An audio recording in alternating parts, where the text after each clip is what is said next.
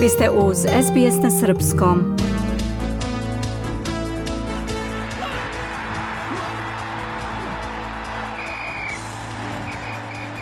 U nastavku sledi opširan sportski izveštaj. Evropska futbolska unija UEFA uputila je izvinjenje navijačima zbog incidenata i mučnih događaja u oči početka finalne utakmice Lige šampiona prošle subote u Parizu. Meč između Real Madrida i Liverpoola koji je imao rezultat 1-0, kasnio je 35 minuta, a UEFA je tada saopštila da su za to krivi navijači engleskog kluba sa falsifikovanim ulaznicama. UEFA je potom u ponedeljak odlučila da otvori nezavisnu istragu, a na čelu komisije je bivši portugalski ministar obrazovanja, omladine i sporta Tiago Brandau Rodrigues. Nijedan navijač ne treba da bude doveden u ovu situaciju i to ne sme da se ponovi, navodi se u saopštenju UEFA. U Waterpolu vaterpolisti Novog Beograda savladali su Brešu sa 14-13 i plasirali se u finale Lige šampiona. Protivnik u borbi za pehar biće im ekipa Pro Reka, koja je ubedljivo nadigrala Ferenc Varoš sa 10-7 u drugoj utakmici polufinala završnog turnira Lige šampiona koji se igra u Beogradu na bazenu 11. april. O šampionskoj tituli odlučivaće finalni duel Proreka i prvog finaliste Novog Beograda. Košarka. Košarkaši Partizana ubedljivo su savladali ekipu Crvene zvezde 112-84 u četvrtom meču finalne serije ABA lige. Partizan je pobedom izjednačio u finalnoj seriji na 2-2 i tako izborio majstoricu. Meč odluke na programu je u ponedeljak kada će domaćin biti Crvena zvezda. Inače, disciplinski sud Aba Lige kaznio je košarkaški klub Partizan sa 50.000 evra i delimičnim pražnjenjem dvorane u naredna tri meča zbog incidenata navijača na trećem meču finala play-offa regionalnog takmičenja protiv zvezde. Spektakularno otvaranje NBA finala. Košarkaši Boston Celtics savladali su ekipu Golden State-a nakon preokreta rezultatom 120-108. Boston finalnu seriju otvara sa pobedom, a naredni meč sa ekipom Warriors je već na programu u ponedeljak ujutru u 10 časova po australijskom vremenu. Na platovu Skenderija u Sarajevu u četvrtak je otkriven spomenik legendarnom jugoslovenskom košarkašu Mirzi Delibašiću. Spomenik se nalazi ispred sportske dvorane koja već nosi njegovo ime. Mirza Delibašić jedan je od najboljih košarkaša u istoriji jugoslovenske košarke. Na svečanoj ceremoniji okupljenima se obratio sin proslavljenog košarkaša Danko Delibašića, statua je delo Vajara Adisa Lukača.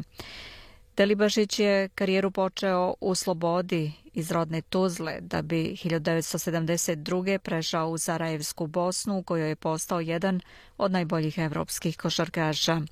Za nacionalnu selekciju Jugoslaviju upisao je 176 nastupa, dva puta je bio šampion starog kontinenta, 1977. i 79. šampion sveta 78.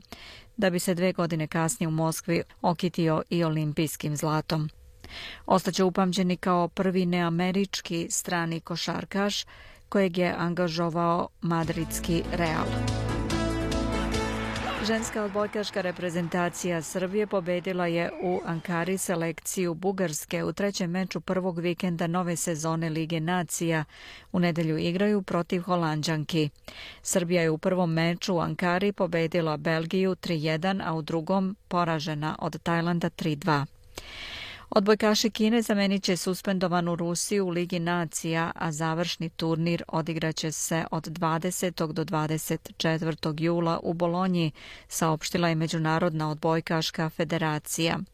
Srbija će ovog leta igrati na turnirima u Otavi, od 7. do 12. juna, u Sofiji od 21. do 26. i u Gdanjsku od 5. do 10. jula. Na završnom turniru igraće osam reprezentacija. Takmičenje počinje od četvrt finala. Evropsko prvenstvo za odbojkašice 2023. održat će se u Belgiji, Italiji, Estoniji i Nemačkoj, saopštila Evropska odbojkaška konfederacija. Belgija i Italija bit će domaćini mečeva osmine finala i četvrt finala, dok će se polufinalne utakmice kao i mečevi za medalje igrati u Belgiji. Direktan plasman na šampionat izborili su domaćini prvenstva Belgija i Italija, Estonija i Nemačka, kao i još osam reprezentacija sa Evropskog prvenstva 2021. Srbija, Turska, Holandija, Poljska, Rusija, Francuska, Švedska i Bugarska.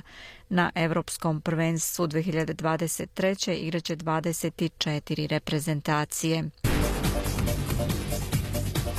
Srpska atletičarka Angelina Topić oborila je seniorski rekord Srbije u skoku u vis, pošto je preskočila 195 cm na mitingu u Grčkoj Filoteji, saopštio je Srpski atletski savez. Čerka legendarnog Dragutina Topića je za 2 cm nadmašila skok koji je pre dve nedelje izvela u Kraljevu. Prethodni nacionalni rekord u skoku u vis bio je u vlasništvu Amre Temin, koji je iznosio 194 cm i postavljen je 1988. Angelina Topić je na mitingu u Grčkoj osvojila drugo mesto iza crnogorke Marije Vuković. Ona je također preskočila 195 cm, ali i iz manji pokušaja. Svetski šampion u boksu George Kombosos junior posle jutrošnje drame u prostorijama melburnske Margaret Court arene kada je bio iznad težinske granice za 140 grama na vaganju za svoju dugo očekivanu borbu za titulu u lakoj kategoriji protiv Amerikanca Devina Hanija, ipak je uspeo da težinu dovede u red pošto mu je dat rok do 12.30 ovog popodneva. Australijanac protiv Hanija ima zakazan meč na stadionu Marvel u Melbourneu u nedelju 5. juna.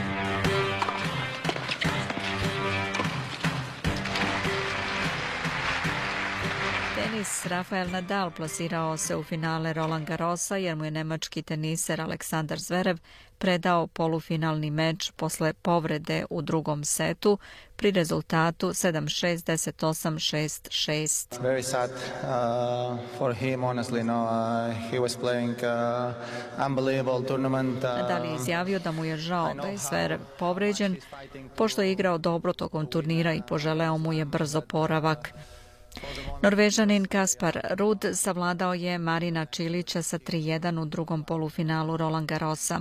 U svom prvom Grand Slam finalu Kaspar Rud će odmeriti snage sa Rafaelom Nadalom u njegovom 30. finalu na Grand Slamovima u karijeri. A najbolja teniserka sveta, Poljakinja Iga Šiontek, plasirala se u finale Roland Garrosa. U polufinalu je pobedila Ruskinju Dariju Kasatkinu 6-2-6-1. Šiontek će u finalu igrati sa Amerikankom Goff koja je savladala Martinu Trevisan iz Italije sa 2-0 i plasirala se u finale Roland Garrosa. Ovo je njeno prvo finale Grand Slema u karijeri. Poljakinja će igrati za drugu titulu na Roland Garrosu pošto je 2020. osvojila otvoreno prvenstvo Francuske.